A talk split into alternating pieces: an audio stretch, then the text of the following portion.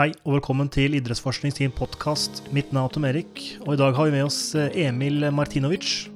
Emil han er fysisk trener, bl.a. hos eh, Vipers Akademiet og KRS Elite, og har masse kunnskap og kompetanse om hvordan drive fysisk trening innenfor håndballfeltet. Hvordan ser en treningsuke ut for en håndballspiller på et eh, høyt nivå? Hvordan trener de styrke? Deler de opp overkropp og underkropp, eller kjører de helkropp eh, hele veien? Og hvor mange økter i uka har de på toppen? I tillegg så prøver vi å knuse et par myter innenfor eh, håndball og dette med fysisk trening. Så denne episoden er verdt å få med seg. Og med det så ønsker jeg deg en god lytting. Velkommen til vår podkast, Emil. Alt bra med deg? Tusen takk for det. Det er en ære å være på og bli spurt der. Så alt er bra med meg. Takk. Wow. Ære, det tror jeg er Jeg blir alltid liksom slått i bakken når folk sier ære, og, og når vi skal snakke med oss eh, Det er vel fjerde, tredje eller fjerde gangen nå. eh, For det, det er sånne spesifikke ting jeg husker. Men eh, det setter jeg pris på. Så takk selv. Ja, det har vært et veldig, veldig mange dyktige folk som har vært på her, og folk som har lest forskninga i mange år og sett, og har som forelesere til og med på UiA. Mm. Det betyr mye. Ikke sant. Så nå, nå innfelles du eh, i samme, samme kategori som dem, Emil. Så det er eh, det ikke noe press eh, for dagens episode, selvfølgelig. Overhodet ikke.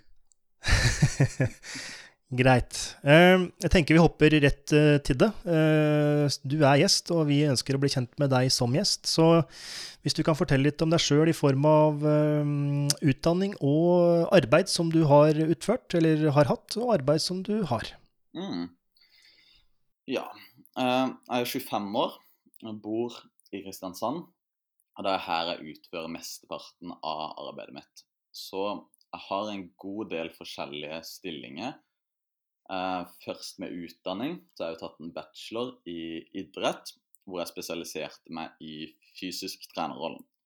Så den tok jeg i Elverum, på Høgskolen i Innlandet. Jeg tok tre år der, og så flytta jeg nå tilbake til Kristiansand og starta på første året på en master i idrettsvitenskap. Og forhold til jobbstatus Så nå kommer en lang liste her. Men primært så er med KRS, eh, topp håndball. Så det er eliteserielag på herresida. Og så er med eh, Akademiet videregående skole. Der jeg har jeg den toppidrettslinja og jobber som fysiotrener for de forskjellige idrettene som de har der. Og så er jeg på Vipers Akademiet. Der jobber jeg stort sett med aldersbestemte utøvere, og har noen sånn enkeltutøvere eh, som spiller alt fra rundt første divi divisjon og juniorhåndball og litt sånn. Eh, så det er de på en måte sånn primærjobbene eller stillingene som jeg har. Og så er jeg involvert i Norges håndballforbund, så der har jeg vært så heldig og vært med juniorlandslaget på damesida.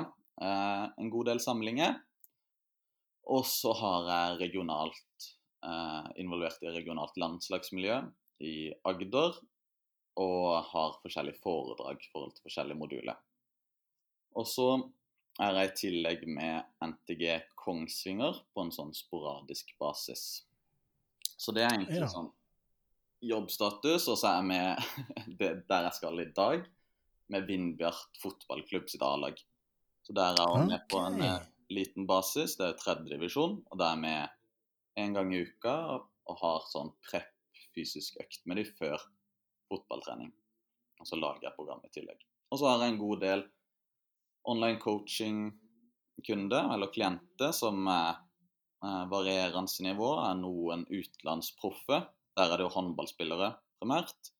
Som spiller i Sverige, en på herresida, en på damesida, og litt eh, forskjellige eliteseriespillere aldersbestemte utøvere. Mm. Så Mm. veldig mye fysisk trening. Det er i hvert fall det jeg korte trekk jobber med. Ikke sant. Hvordan får du tid til alt dette her? Sover du ikke?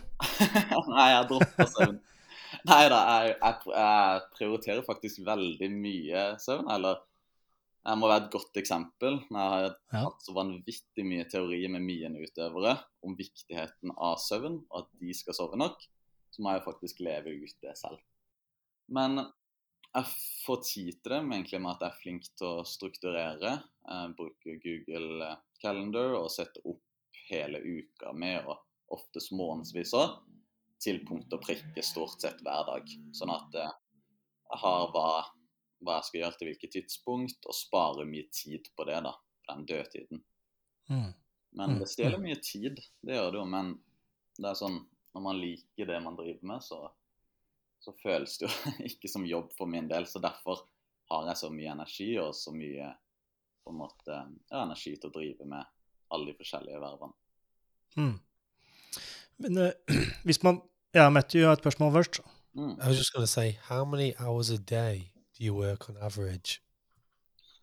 Eh, det er vanskelig å si. På en sånn typisk dag som i morgen, onsdag, så begynner jeg begynner jeg å coache fra åtte, og så coacher jeg til tolv. Og så har jeg kanskje én times pause, og så coacher jeg fra eh, ett til to fram til ni på kvelden. Så det Oi. blir jo sånn ish ti timers eh, jobb stort sett forhold til coaching. Men så er det noen dager som er mer fleksible, og f.eks. søndager, eh, stort sett lørdager, som kun går til programmering og diverse arbeid sånn. Mm. Mm. Matthew? It sounds like you're working six, seven days a week sometimes. Mm.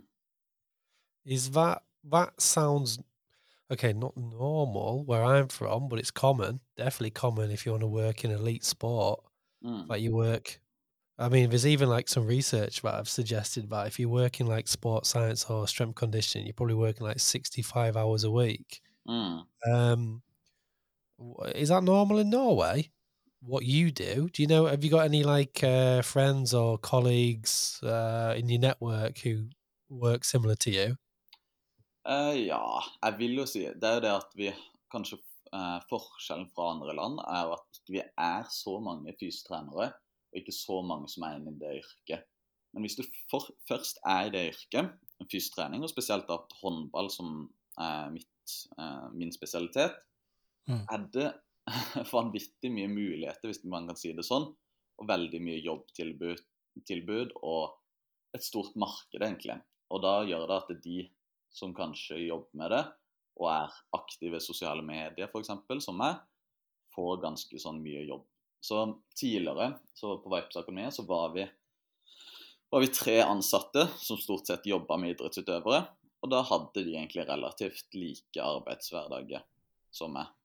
Så det er litt vanskelig å si om det er veldig Jeg tror ikke alle har det sånn, men jeg tror jeg er et knippe mennesker som I hvert fall de som kan leve av fysisk trening i Norge, eller være fysisk trener, at det, det er noe alle la sånn. Mm, mm. Mitt inntrykk, for du er jo nå masterstudent, er det første eller andre året? Første året. Første året. Eh, og jeg ser tilbake på min egen tid som masterstudent og med mine medstudenter da, så jeg vil jo si at du skiller deg kraftig ut, Emil, på en positiv, eh, arbeidsom måte. Det må jeg ærlig innrømme. Mm. Ja. Men hvis, man, hvis du skulle velge en tittel, eh, for du har ganske mange mm, Kanskje ikke mange ulike hatter på deg, men du har jo ulike lag og foredrag og den slags. Så hva er, hva er det du titulerer deg med? Eh, det er jo egentlig fysisk trener. Fysisk eh, trener. Det er det på en måte som jeg går inn under. Og Det er egentlig i forhold til alle kategoriene. Så til og med når jeg er på skole, så blir jeg på en måte ikke kalt lærer. Da går jeg jo under kategorien fysisk trener. Mm, mm, mm, mm. Good. Eh, og da eh, Det er ganske naturlig spørsmål som vi har fått fra Fått fra en som kaller seg Tollsen. På Instagram, tror jeg det var. Uh, om du har noe råd til de som ønsker å bli fysisk trener i toppidretten? Ja, det vil jeg jo si at jeg har. Uh, mm -hmm.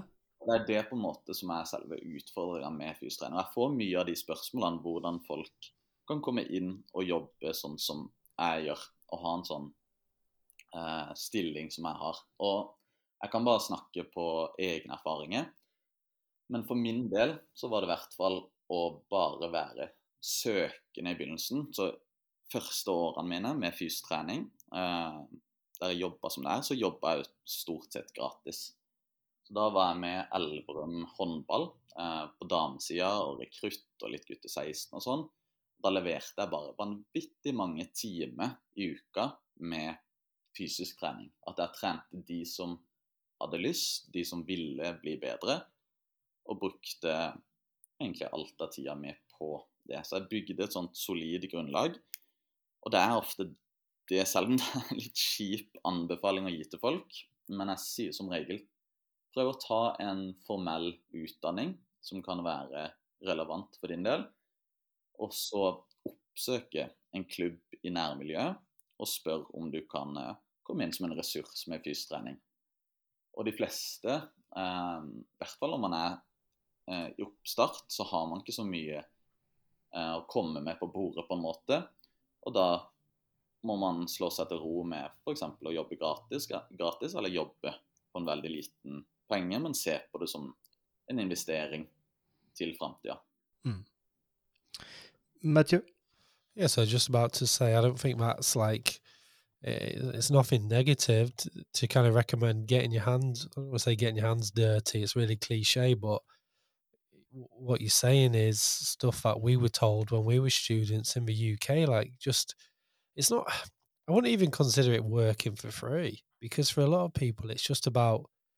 A lot of people don't even know what the environments are like. Just mm. like showing your face, being around, seeing what it's like, like listening to like a head coach of a top or elite level being around a culture where people are only interested in only interested in winning is very different. I think. Mm. Um, I don't think a lot of I know that a lot of my students don't understand how different that can be, and I'm talking both from uh, Norwegian and, and English uh, student groups.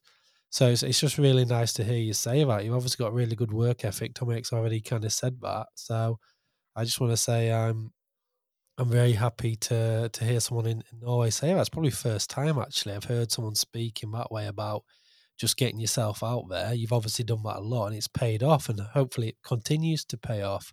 Mm. My kind of question is now that I've put my kind of teacher hat on, thinking about the students that listen, is how many people do you think will follow that advice? Ja, det, det er jo det som er vanskelig. Og Um, det er jo veldig gode poeng du er inne på der, og det er jo det som er på en måte følt. Og det er der kanskje mange føler selv. De føler at de er på et nivå til at eh, kunnskapen din, eh, kunnskapen de sin er såpass bra, så de føler kanskje det er litt ufortjent at man skal jobbe gratis eller jobbe for lite penger, og se på det mm. som den måten. Men det er liksom Det er et helt eh, yrke i seg selv og et helt område å bare ha den praksisen, og som du sier, se hvordan et lag fungerer, og hvordan ting kan være teoretisk eh, på én måte, og hvordan man kan eh, holde seg evidensbasert og teorien, og samtidig få det her i praksis i en idrett der det er så sinnssykt mange forskjellige personer, forskjellige typer, kroppssammensetninger, spillestiler, å få alt det der til å fungere. Det eneste måten man kan lære det på, er å være i praksis og utøve det. Og det, det er som å si at det er på en måte Man jobber gratis, men det er jo en vanvittig investering. Og man lærer utøver å kjenne, man kjenner igjen hvilke typer, man ser hva kanskje som fungerer med den typen, hva som ikke fungerer med den. Og uh, ja, det var en mm. viktig verdi i det. Så tilbake til spørsmålet litt hvem som kommer til å gjøre det og ikke, eller hvor mange, det er vanskelig å si. I hvert fall hvis man har lyst å komme til en posisjon der f.eks. meg eller andre coacher og jobbe med eliteutøvere, så føler jeg det man burde være gjennom den perioden der man kanskje jobber med um, utøvere på lavere nivå og få inn denne kapasiteten med arbeid. Matthew? Yeah, some really interesting stuff there. I was just unpacking it on my notes about what you said about potentially some students or some people thinking about their almost like their knowledge is good enough to start charging for it. That's Mm. really interesting because just to kind of go on a research from a research perspective, there are papers that I've looked at this, and I think I guess in the UK and and I think Australia as well, but predominantly UK, where students who are coaching students, so they're studying like trainer, roller, crop servant, etc. Mm. They go on to Praxis and they were interviewed by the researchers and they basically said bef- uh, the first couple of weeks of Praxis, oh, these coaches don't know anything. They don't know Mm. anything compared to what I know. Mm. And it just created tension. And then they interviewed them kind of throughout the course of their praxis period, of their placement. And you could you see how their perspective changed, like, oh right, okay, I get it. Think it's it's a bit more complicated. It isn't just because I've read it in this paper. This is this is how it should work. Mm. And it's quite there's a couple of nice papers how you can see these people change over time. Like, okay, I need to kind of let go of my subject knowledge a little bit sometimes and just understand the environment a bit Mm. more. So Mm. I guess what I'm trying to say is there's, there's there is research, ironically, to support what you've just said, but that leads me into my another question, which I guess Tom would probably ask anyway, and uh, we've kind of got questions related to this in, on uh, the social media. But this is obviously Idrettsforskning podcast. I guess how how much how would you describe how you would use like sports science and like subject knowledge and um, discipline knowledge and, and academic work to support what you do on a daily basis? Mm. Eh, først vil jeg bare ta tak i det, det sånn som du nærmer, eh, nevner med det uh, paper, uh, forhold til uh, praksis før praksisperiode, underveis og etter og sånn, så kjenner jeg meg veldig igjen. Og det, Man kan si om det kanskje er den Dunning-Kruger-effekten. Når jeg først starta opp og begynte med fysisk i håndball, så var jeg sånn Jeg følte jeg hadde en god base med at jeg kunne fysisk trening, styrketrening, vært i idrett selv. Og så var jeg veldig sånn Å ja, hvorfor gjør lag og lag de lagene sånn? Hvorfor gjør de lagene sånn? Alle burde gjøre sånn. De burde kjøre den type knebøy. Hvorfor gjør de sånn? Og er veldig sånn dømmende på det, på en måte. Siden jeg så det litt utenfra og trodde at det, som denne Kruger-effekten, at man, man kunne alt og man syntes det var rart at folk ikke implementerte hva på en måte teorien viser. Og så mer jeg kom inn i det, så jo mer forståelse nå kan fire år etter at det er så vanvittig mye nyanse med eh, lagidrett og fysisk. Men eh, til spørsmålet ditt, så hvordan på en måte å få eh, praktisen min evidensbasert, eller at det skal være basert på forskning, eh, vil jeg si til en stor grad at jeg på en måte får eh, til, og er mye av hva filosofien min er basert på. At vi på en måte har grunnleggende eh, faktorer og elementer som vi vet fungerer, og vi vet som eh, teorien sier. Og det er det jeg føler er så viktig også, i et sånt yrke, at man har den grunnbasen på bunn. Så Det kan være gjennom formell eh, utdannelse, eller gjort, lest her på egen hånd. Men å på en måte vite hvordan kroppen fungerer, og vite hvordan man påvirker eh, faktorer som power eller effekt, Mm. og at det er visse eh, skal man si, fysiologiske regler, nesten om man kan si det sånn, som man må følge hvis man ønsker å påvirke slike type faktorer. Og det er der og kanskje noen skal si, faller litt ut med at ikke de har denne fundamentale kunnskapen på bunn, og klarer å få det i sin praksis. Jeg vet ikke helt om jeg svarte på spørsmålet litt, men Jo da. Helt No, definitely. Ja, ja, Mm. ja. Men og som begge dere egentlig påpeker, altså forskning versus miljø, eller the environment, sånn som Matthew nevner, så kan det jo være kanskje ikke kontraster, men man kan lese en øh, forskningsartikkel eller flere forskningsartikler på et øh, tematikk. Eh, man føler at man kan dette her veldig godt, og så prøver man å implementere dette her. Og så ser man at oi sann, dette her fungerer jo ikke helt sånn som jeg tenkte eller hadde lest. Eh, har du hatt noen sånne opplevelser, og i så fall kan du gi noen eksempler på det? Ja, definitivt. Eh, nylig så hadde vi jo et eksempel med det, og det var egentlig at det Eh, en eh, som en sånn ph.d.-student ved Universitetet i Agder eh, driver med Skriver nå en oppgave om fysisk trening i toppidrett. Og da brukt bl.a. Eh, Start på fotballsida, brukt eh, Arendal, og skulle ha oss i KRS til å gå innenfor det prosjektet. Så det vi fikk, det var jo et stort prosjekt, da, men tre forskjellige program hvor utøverne er innenfor forskjellige kategorier ut ifra sånn kraft-hastighetsprofil. Og så skulle man utøve det programmet i sesong. Og sånn helt teoretisk så er det, er vanvittig bra program. Eh, jeg vil ikke si noe på øvelse eller volum eller et eller annet sånn. Og det, i teorien så vil jo det her programmet funke for å forbedre eh, fysiske prestasjoner, som sprint og hopp, som de testa på Olympiatoppen. Men på en måte, vanskeligheten med det er jo å skulle praktisere det under sesong, og praktisere det med et elitelag hvor forskjellene er så vanvittig store. Hvor du har noen utøvere, som på KRS, som har spilt i Bundesliga i eh, åtte år og er 36 år, har jobb på sida, har unge, kontra en utøver som er på aldersbestemt landslag og er 17-18 år. Og Så kommer det til å være forskjeller i forhold til spilletid. Eh, noen eh, utøvere er mer skadeutsatt, har områder som de har slitt mye med.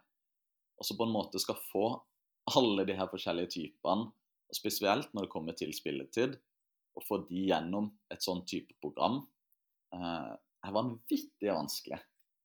Og det er på en måte der I hvert fall nylig, når jeg tenker at der har på en måte utfordringa kommet med at man har krasja med teori og praksis. For rent teoretisk var det et kjempegod program og veldig fin idé. Og syns jo det er et dritkult studie. Og vi praktiserte det jo best, etter best mulig evne. Så jeg tilpassa de styrkeprogrammene ut ifra de enkelte spillerne. Men hadde det bare vært at de skulle fått de styrkeprogrammene, og utført det gjennom sesong, så hadde det blitt veldig, veldig redusert, tror jeg, i forhold til prestasjonsmessig. Og da på en måte Det ødelegger litt for studiet sin del. Ja, ja, det er sant. Hvilke tilpasninger gjorde du? Jeg gjorde noen av programmene litt mer individuelt. Noe med at du bytta ut noen øvelser. Eh, et veldig enkelt eksempel på det er jo f.eks. frivending, da. Mm. Som jeg hørte dere snakke om tidligere òg på den podkasten tror kanskje det var Kristian Helland som ja, hadde det kan nok stemme. et studie på det. Og det er som er vanvittig interessant når vi først er inne på fysisk trening. Hvordan å gi utøvere et program på det. Og det er jo en sånn øvelse som de kommer til å respondere vanvittig forskjellig på. For noen har jo aldri vært nær nærheten av en frivending. Mm. Og kanskje er godt opp i alderen, har eh, noen eh, restriksjoner i forhold til mobilitet. Med håndballspillere så jobber vi med ganske ekstreme kropper. Folk som har vanvittig lange lårbein eh, og ikke akkurat skapt for eh, vektløfting. Eh, så får man noen av de, og så har man noen som f.eks. har det på skolen og kan gjøre frivending med veldig god teknikk. Så sånne justeringer måtte jeg naturligvis gjøre. Men at det ville bare vært bortkasta tid hvis vi skal bruke mye tid på å lære frivending til en som har tid til to økter i uka og må bare få inn noen form for stimuli. Så sånne eh, gjorde vi. Og så var det litt egentlig ut ifra spilletid, som at jeg kunne justere litt på hvem som kjørte hvilke program til hvilken dag. Hvis alle skulle trene dagen etter kamp, f.eks. Ikke sant. Ja. Mm. ja. Det er helt klart. Um, Greit. Eh, jeg tenker vi muligens eh, beveger oss til det mer håndballspesifikke. Vi har vært litt inne om det allerede. Ehm, men jeg har fått et ganske ja, relativt stort spørsmål fra en som kaller seg eh, Lasse Skilbrei. Mm. Ehm, hvordan, hvordan bør en treningsuke se ut for en håndballspiller? Ja. er ganske den er veldig generell og stor, så den uh, må du spesifisere sikkert. Men jeg kan veldig fint legge fram hvordan en treningsuke ser ut for i hvert fall eliteutøvere innenfor KRS topphåndball. Ja. Det er da at vi f.eks. spiller kamp på søndag. og På mandag så har vi fysisk trening klokka ti på morgenen. Og da har vi som regel det vi kaller restitusjonsstyrke, eller tung styrke, egentlig. Så det er på en måte den økta i uka hvor vi får inn eh, mest mulig volum, kan løfte ganske tungt og få inn den derre si, generelle basen og muligens det aller viktigste som de trenger under sesong for at de skal opprettholde styrke og muskelmasse. Så det er sånn, den desidert viktigste økta. Eh, så vi har den på mandag som regel, hvis det er kamp på søndag. Og så har vi som regel en powerøkt som er på eh, onsdag, stort sett. Der det er mer eh, f.eks. olympiske løft eller eh, øvelse som går inn for eksplosiv styrke. Så det er sånn veldig enkelt oppsett som vi kjører under sesong. Og som jeg vet eh, flere lag kjører. Og det er kanskje den tung styrke dagen etter kamp som er på en måte den Den får jeg veldig mange spørsmål om. Og er den på en måte viktigste økta. For slik sånn som vi ser på det, eh, og det her hadde jeg forelesning i går om med Monica Torstvedt angående aktiv restitusjon, og mye av de mytene som er der mot at man alltid bare dagen etter kamp skal sykle, jogge ut, høye. Ja, ja. Og, og mye av det sånn veldig tradisjonelt sett som blir brukt i lagidrett.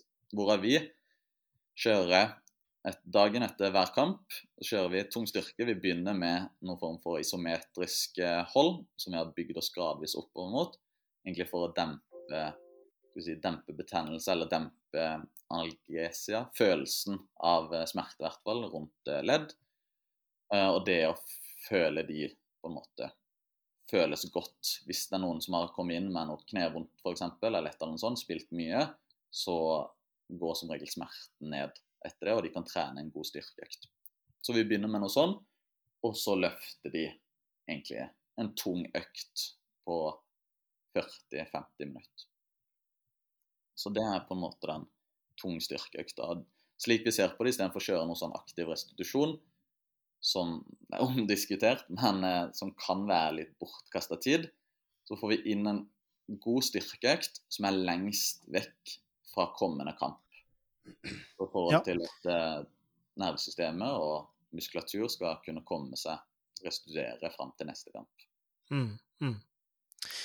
Når var det du altså, Begynte du med det, denne ideen eller eh, måten å organisere uka på fra start, eller er det noe du har implementert etter hvert som du har lest deg opp? Og, for det vil kanskje være litt vanskelig for en nyutdanna eller en, en fersk fysisk trener da, å på en måte implementere dette her, som går kanskje imot det man Mm. opp, eh, eller i hvert fall har et perspektiv om er logikk, som kanskje ikke er det i det hele tatt.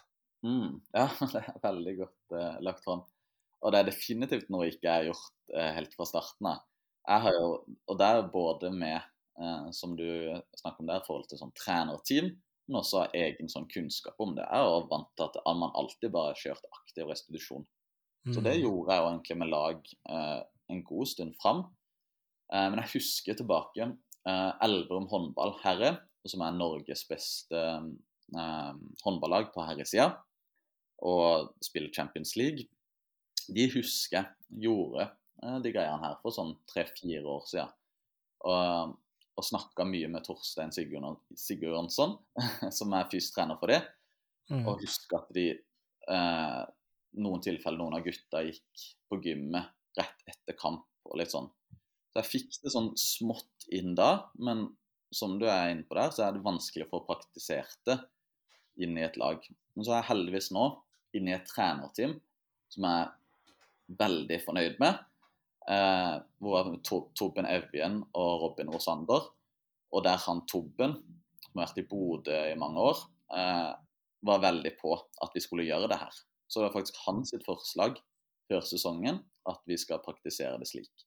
Og han sa at de hadde gjort det sånn i Bodø i mange år og hatt god effekt av det. Så det er mye kreds til han. For jeg, det er som du sier, jeg tror det til og med hadde vært vanskelig i min rolle som det å skulle endre på noe som er så inngravert hos mange trenere i lagidrett.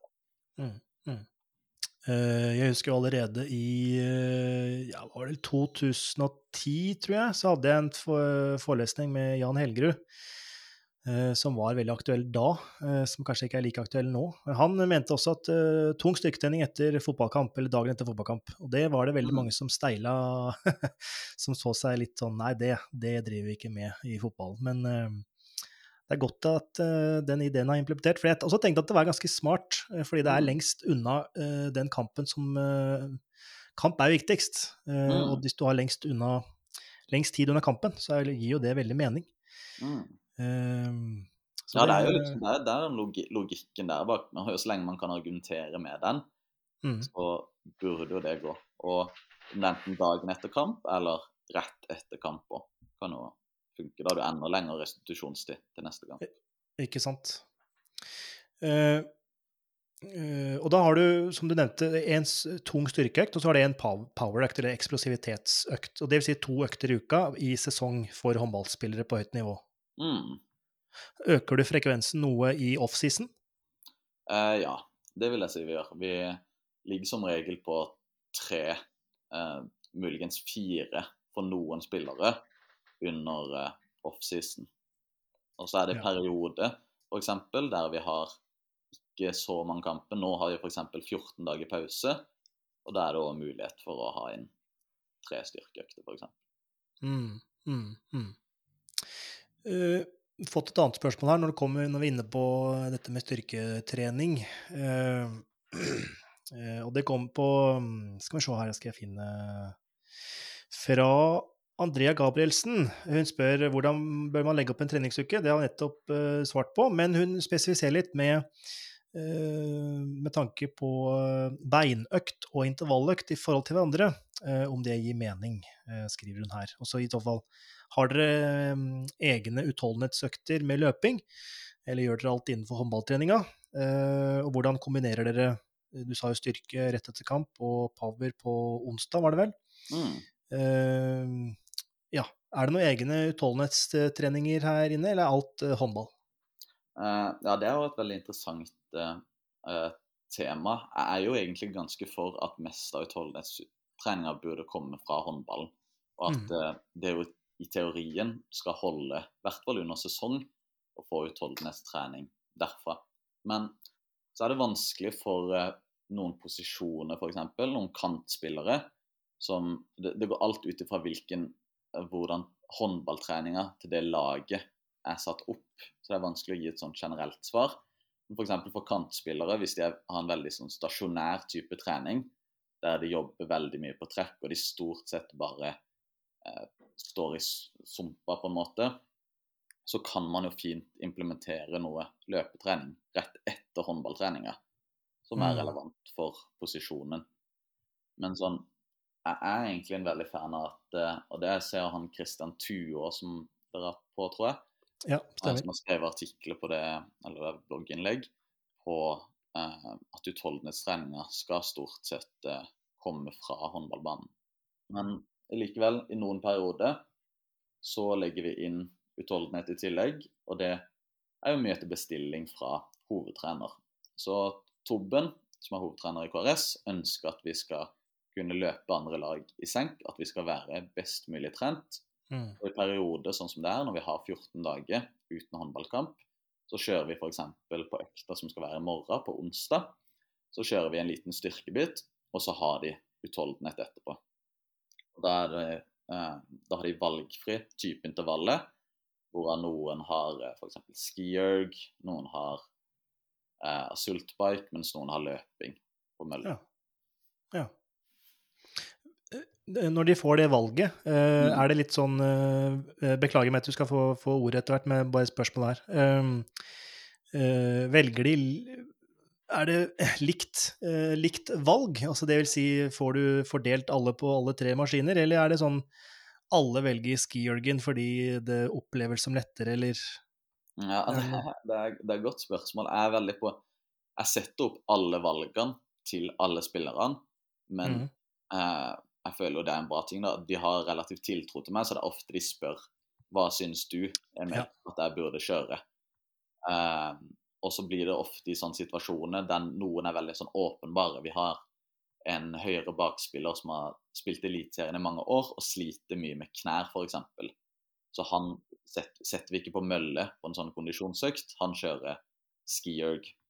Så det, Ja. sam- det går litt sånn, og så har vi noen som er bare sånn De rett og slett trenger å få opp løpskapasiteten sin, og de, de er typ de spillerne som kanskje gjør litt dårlig på beep-test og sånn, ikke skadeutsatte, de setter jeg heller på mølle og ber de ta det. Så det er sånn eh, Det går nok litt på det der, eh, som du sier, at de velger kanskje til tide litt det som er sånn fort ferdig, som en asyltbike. De Mm. intervallene er ganske korte, så de er ferdige på sånn totalt 7-8 minutter. Så av og til at de kanskje går mot de. Men det Ja, men jobber, jobber med mennesker, vet du, så da ja. vil du få utfordring etter hvert. Men eh, Matthew, du har et spørsmål. Um, I was just going to say that the person who asked that question, um, Mm. can we can send him a link to some drills as well. I'm a big fan of this Martin Boucher and Paul Larson's book, Mm. High Intensity. What's it called? High Intensity Training. Yeah, I And think they do like yeah. a chapter per sport. I've just sent a link actually from his website. Mm. Some really nice drills for handball uh, Mm. interval training, like on court stuff. Mm. So, who was the person who asked that question, Tom Eric? eh, Andrea Gabrielsen. Right, if they message us, I'll send them that. I'll send them that link as well. Yep. Uh, I can't send them that book. It's an expensive book, but uh, Martin Boucher's got some nice stuff on his website as well. I'll just put up a link on here as well if Ja, den, check it out. Den er veldig bra, den boka. Den eh, har jeg hørt bare de siste ukene. Flere fysiske trenere innen håndball. Jeg hadde et Zoom-møte med en fra Polen sist uke, og han har sverga veldig til den boka. Og jeg vet også Mm. fystrener på damelandslaget, Benjamin Jensen. Når jeg var på foredrag med han, så viste han nå til den boka. Og mye av det han praktiserer med damelandslaget, er fra den boka på utholdenhet. Mm. Yeah, it's mega. It's a mega book. It's Mm. really good uh, physiology stuff, but then they've done such a good job of making it practical as well. Mm. Jeg ser eh, Når jeg kikker på det nå, så ser det veldig bra ut. Jeg elsker jo, jeg elsker jo tabeller og figurer. Jeg er kanskje litt overkant glad i det, men um, det billedliggjør eh, det praktiske og det teoretiske. Er helt enig. Eh, greit. Uh, skal vi se her om vi har et par spørsmål til. Uh, jo, det er jo litt i samme gate, da, men uh, dette med overkropp og underkropp, fordi jeg, i min tid som fysisk trener på fotball, så trente vi ofte på samme tid som håndball, håndballgjengen. Mm. Og håndballgjengen trente jo mye mer benkpress enn fotballspillerne. Så jeg, jeg tenker det er naturlig. Mm. Men eh, i og med at eh, du skal både være god i beina og overkroppen, hvordan eh, kjører dere helkropp hver gang, eller er det litt sånn splitt, eller det har man kanskje ikke tid til når man har to økter i løpet av sesong, men hvordan deler du det opp overkropp versus underkropp? Mm, vi kjører stort sett fullkroppsøkter, og det Ja. gjør jeg med de fleste. Og det går jo mye på det tidsaspektet. Men med noen spillere som har eh, mer tid, og vi f.eks. har mer eh, hypotrofi i fokus de, eh, Håndball, og spesielt på herresida, krever jo en god del masse. Så hvis du skal spille lite håndball på herresida, Mm. så jeg skal ikke si må, for vi jobber ikke i absolutte, men i de veldig mange tilfeller så er det en stor fordel å ha en god del masse. Så Da får man tilfeller med spillere som trenger høyere volum, og da øker vi frekvens f.eks., og så fire økter i uka, og så kan vi kjøre bein og overkropp. Mm. Men stort sett så løser vi det med at det er eh, full kropp, og at de får gjort Jeg sørger for at de får gjort bein ordentlig, og så har de bitte grann overkropp i programmet, kanskje benk og vekta pullups, eller noe sånt. Og så er jo, så er jo gutta simple. Så er det sånn Så har vi en times økt, og så sier jeg at eh, de ti siste minuttene så kan dere trene litt valgfritt. Og da blir det stort sett noen biceps curls med noen okklusjonsbånd eh, rundt armene. og sånn, Så det, det trenger jeg ikke å sitte inn i programmet. Disse. Det, det kjører de fint på egen hånd. Ikke sant, ikke sant. Ja, ja, ja. Men når det kommer til dette med masse, eh, muskelmasse, fettmasse, så var det, jeg husker jeg, det var et bilde av eh, Gro Hammerseng og Frank Løke når han spilte håndball, eller når Mm. de spilte håndball, eh, der du så Frank Løke med eh, ja, mer fettmasse da, enn Gro Hammerseng. Eh, Mm. hvordan stiller du deg i den debatten der? Altså, for det er jo noen, eller um, ja, kanskje mer gutta, har litt mer ja, litt mer fettmasse da, enn man kanskje skulle tro en toppatlet skal ha? Eller Mm. hvordan stiller du deg i den debatten der? Jeg er helt enig, og det er uh, kjempebra eksempel. For det, det er jo sånn, sånn er det òg. Jeg har jobba med både elite, eller førstedivisjonssubelite på damesida, Mm. og jobba med flere eliteutøvere på damesida og med herresida. Og det er jo forskjellige krav til de forskjellige idrettene, og hvor at eh, på damesida så gjelder det kanskje å være mer den der relativt sterke utøveren. Så Mm. at du kommer Det ville være mest mulig gunstig å hva skal man si, ha lavest mulig fettprosent, mest mulig muskelmasse, sånn sett. Og at det krever mer eh, Stiller mer krav til denne smidigheten og eksplosiviteten. Og det går nok litt på at det er flere eh, dueller òg i herrehåndballen, som fører til at det blir mer slåssing på en måte, og mer, stiller større krav til mer muskelmasse. Og da er det jo, som du sier, det er mange eliteseriespillere man kan se på, og man skulle trodd Man hadde aldri trodd at de spilte eller drev med eliteidrett. Det kunne vært vanlig mann i gata. Så de er kanskje litt smålubne og ikke sånn veldig Ser veldig atletiske ut. Men eh, de stiller krav til å ha masse når man spiller eh, elitehåndball. Og det ser man nå. De har gjort studier på det i Spania, hvor de sammenligner elite og subelite, eller amatørutøvere, både på herre- og damesida. Og så sammenligner de sånn kroppssammensetninger, eh, fysiske tester. Og da ser man det vanlige som man ser i eli- eliteidrett, f.eks. på damesida. At de beste spillerne hopper høyere, de har bedre grepsstyrke, de kaster hardere, de har mer power i arm og bein. Og at de har lavere eh, fettprosent, de som er på eliteserie.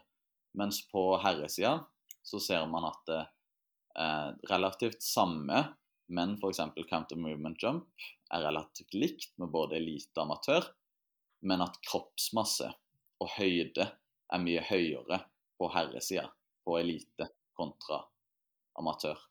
Mm, mm, mm. Ja. Matthew?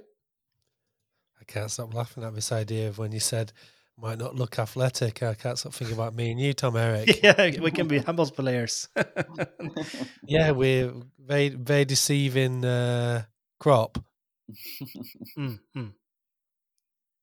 Was that your comment? Was that your only comment? Yeah, I can't stop laughing about this idea of det not being fint innspill, det. athletic. Dere kunne nok klart det som linjespiller eh, i Eliteserien, tipper jeg.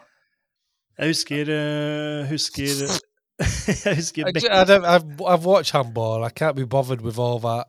When they score, they just sprint straight back. I'm like, no way. I'm celebrating. I'm taking my time, chilling. Uh, jeg husker uh, når jeg studerte i Bø, så kom, uh, var det vel en ja, cup, cupkamp. Eh, og da var det um, Bø håndballag, jeg husker ikke hva det heter, men uh, mot om det var Bekkelaget eller uh, et av de store laga. Mm, med blant annet eh, Tonje Larsen, tror jeg det var. mm. Og når de håndballjentene kom inn i uh, Gullbring kulturanlegg Jesus Christ, så mye høyere de var uh, enn uh, en Bø-jentene. Og de ble jo det var, Jeg kjente jo litt hun streken på håndballaget i Bø. Hun ble jo Altså, hun ble fysisk trakassert, altså. Det var, det var nesten skummelt og trist å se på, fordi hun ble ordentlig kasteball, rett og slett. Mm, ja, og det er, det er det man ser på damesida. Hvis man ser på Vipers, som er eh, verdens beste håndballag, da, eh, Mm. og skiller seg så ut for resten av eliteserielagene eh, på damesida, så er det, det er vanvittig store eh, De får med høyde og sterke jenter. Det er sånn Mm. de spiller cupkamp, samme eksempel, mot lavere lag, så man Det er bare helt vidt forskjellige personer. Mm, mm. Ja, det, ja det, fysikken til håndballspillet er helt, eh, den er helt rå. Det, Mm. det, det har ikke jeg og Matthew noe å stille opp med, dessverre. Så vi må holde oss til kontoret vårt. Yeah, I'm, I'm still just thinking about not being athletic. du ler fortsatt av den der.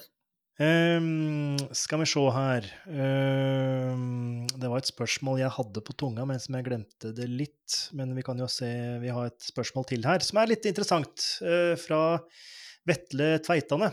Eh, Håndballmyter innenfor trening. Vi har jo tatt én myte i dag i forhold til uh, tung trening etter kamp. Har du noen flere? Mm. Eh, ja, jeg tror nok jeg vet hva Vetle sikter til.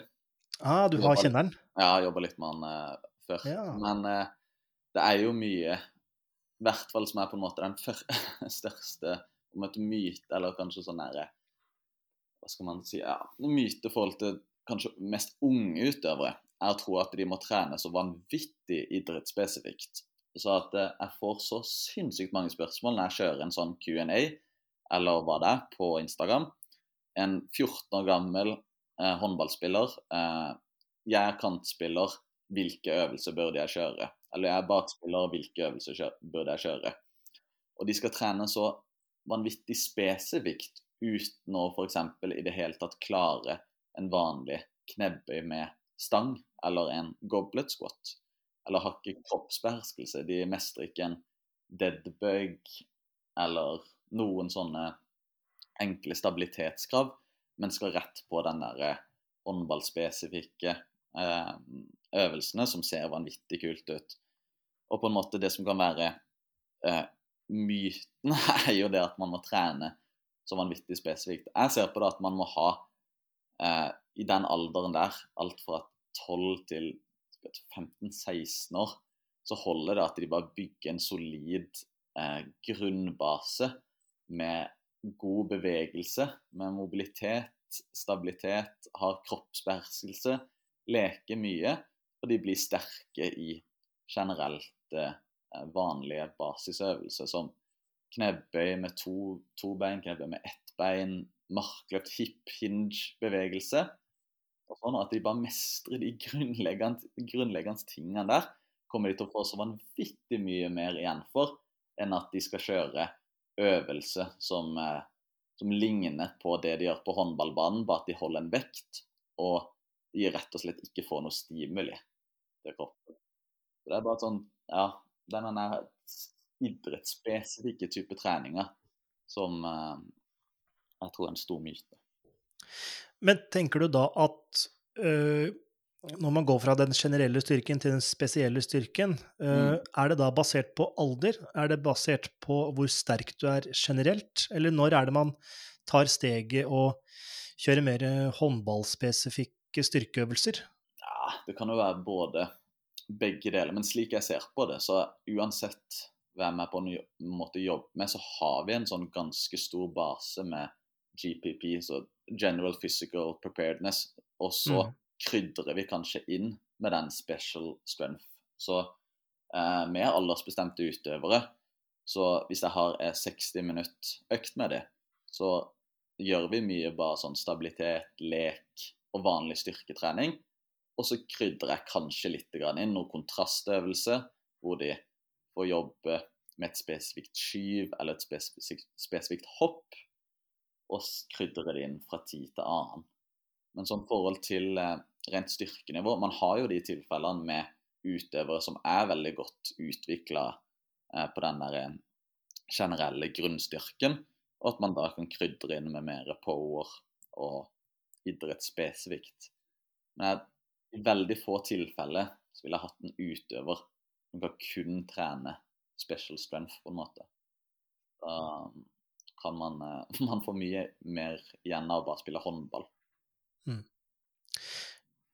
Tror du eh, dette bildet av at eh, styrken til id- idrettsutøver, uavhengig nivå eller alder eller det som er, bør være spesifikt, tror du det kommer litt av jeg ser um, ulike videoer, da, jeg har stort sett sett videoer fra fotballverdenen, der eh, Englands landslag har uh, vært og lagt ut styrkeøkta si på YouTube. Jeg har sett Atletico Madrid sin styrkeøkt på fotballbanen.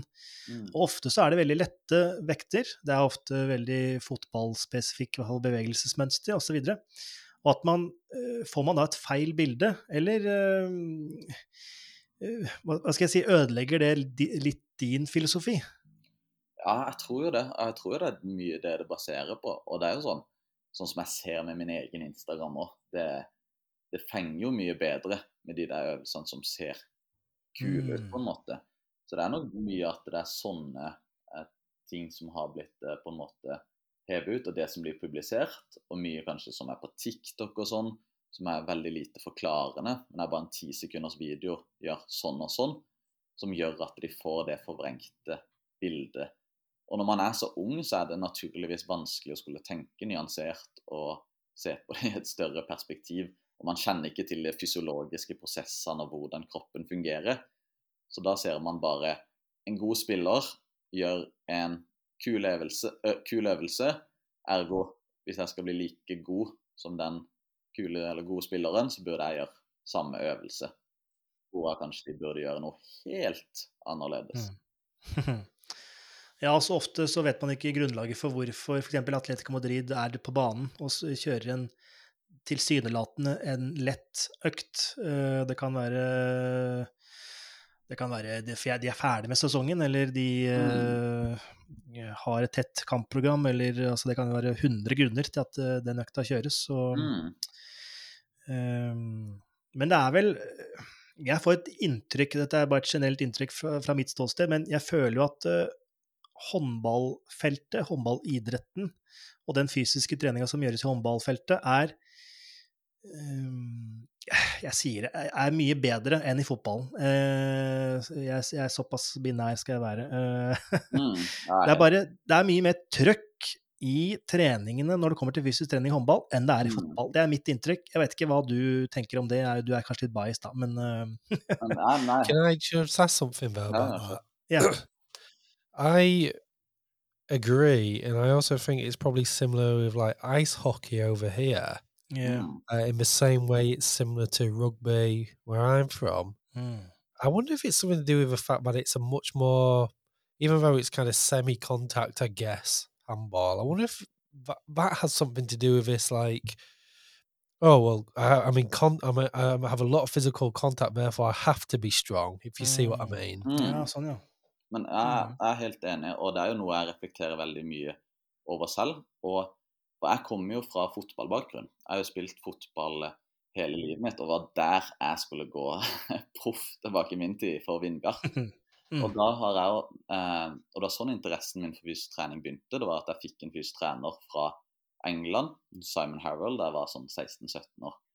Men uansett, eh, det er en, definitivt en stor forskjell her. Og det som jeg sa tidligere, så skal jeg i dag bort og jobbe med et fotballag.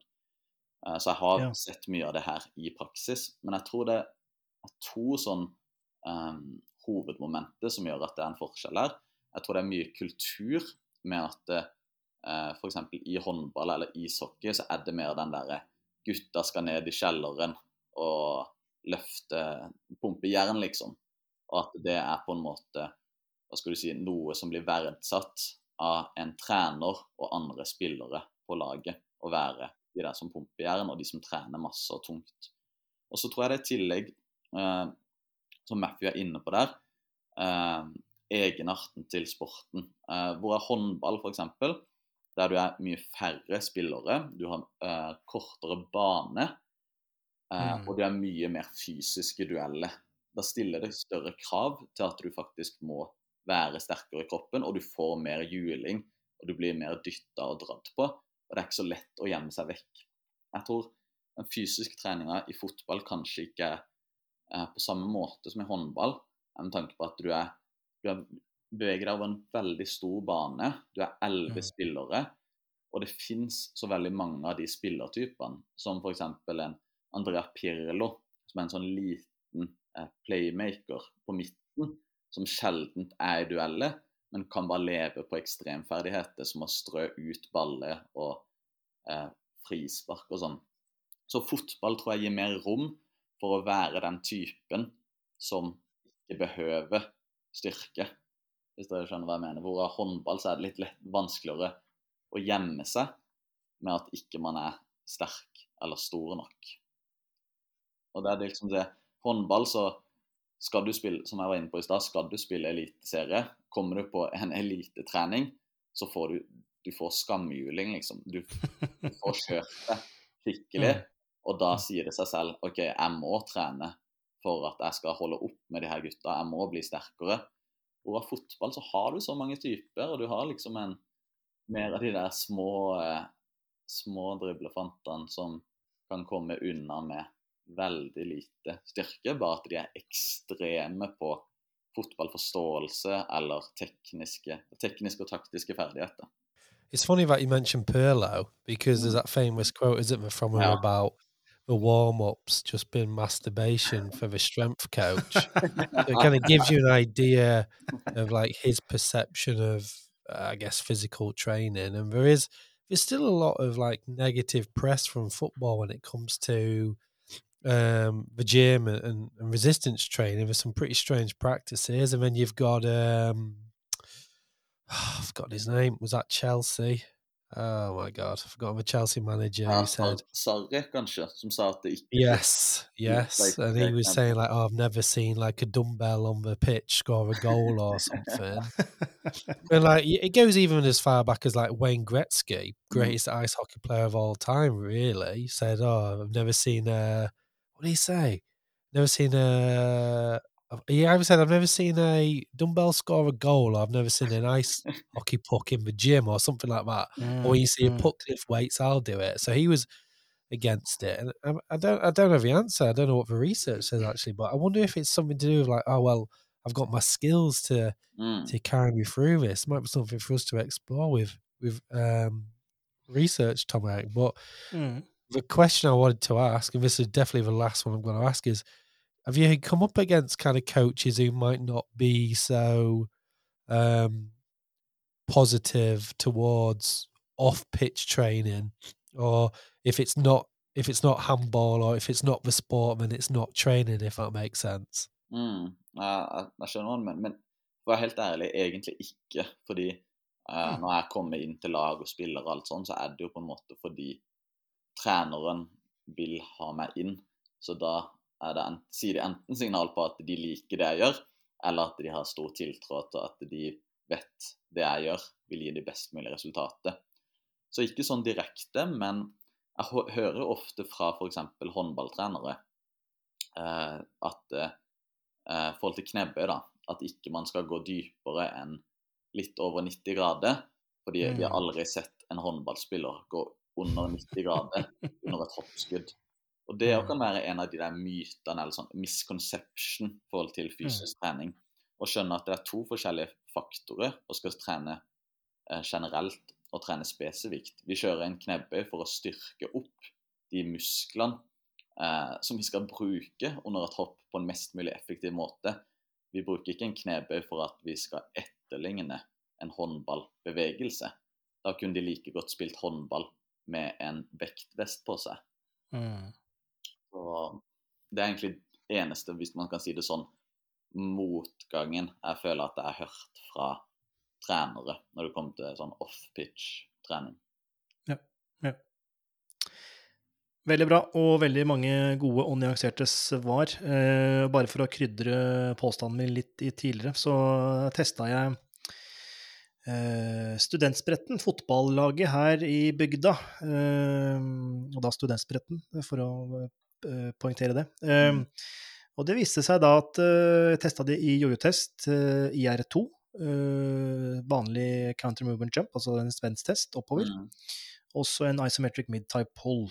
Og det viser seg at de, er, de er spillerne der, fotball, fotballspillere også, de er ekstremt sterke. Men utholdenheten deres er elendig. Eh, og jeg beklager til spretten-lyttere der ute, beklager, men eh, utholdenheten deres er elendig.